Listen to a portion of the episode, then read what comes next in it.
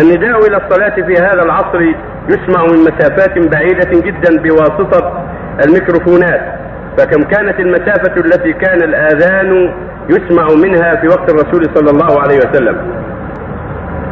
ذكر بعض أهل العلم أنه يقدر بفصح وأن الأذان عند وجود السلامة في أجواء من الرعود والأشياء التي تغير الصوت والرياح أنه يسمع الأذان في مقدار فرسخ مقدار تقريب ساعة ونصف من الرجل القدم يسمع الأذان.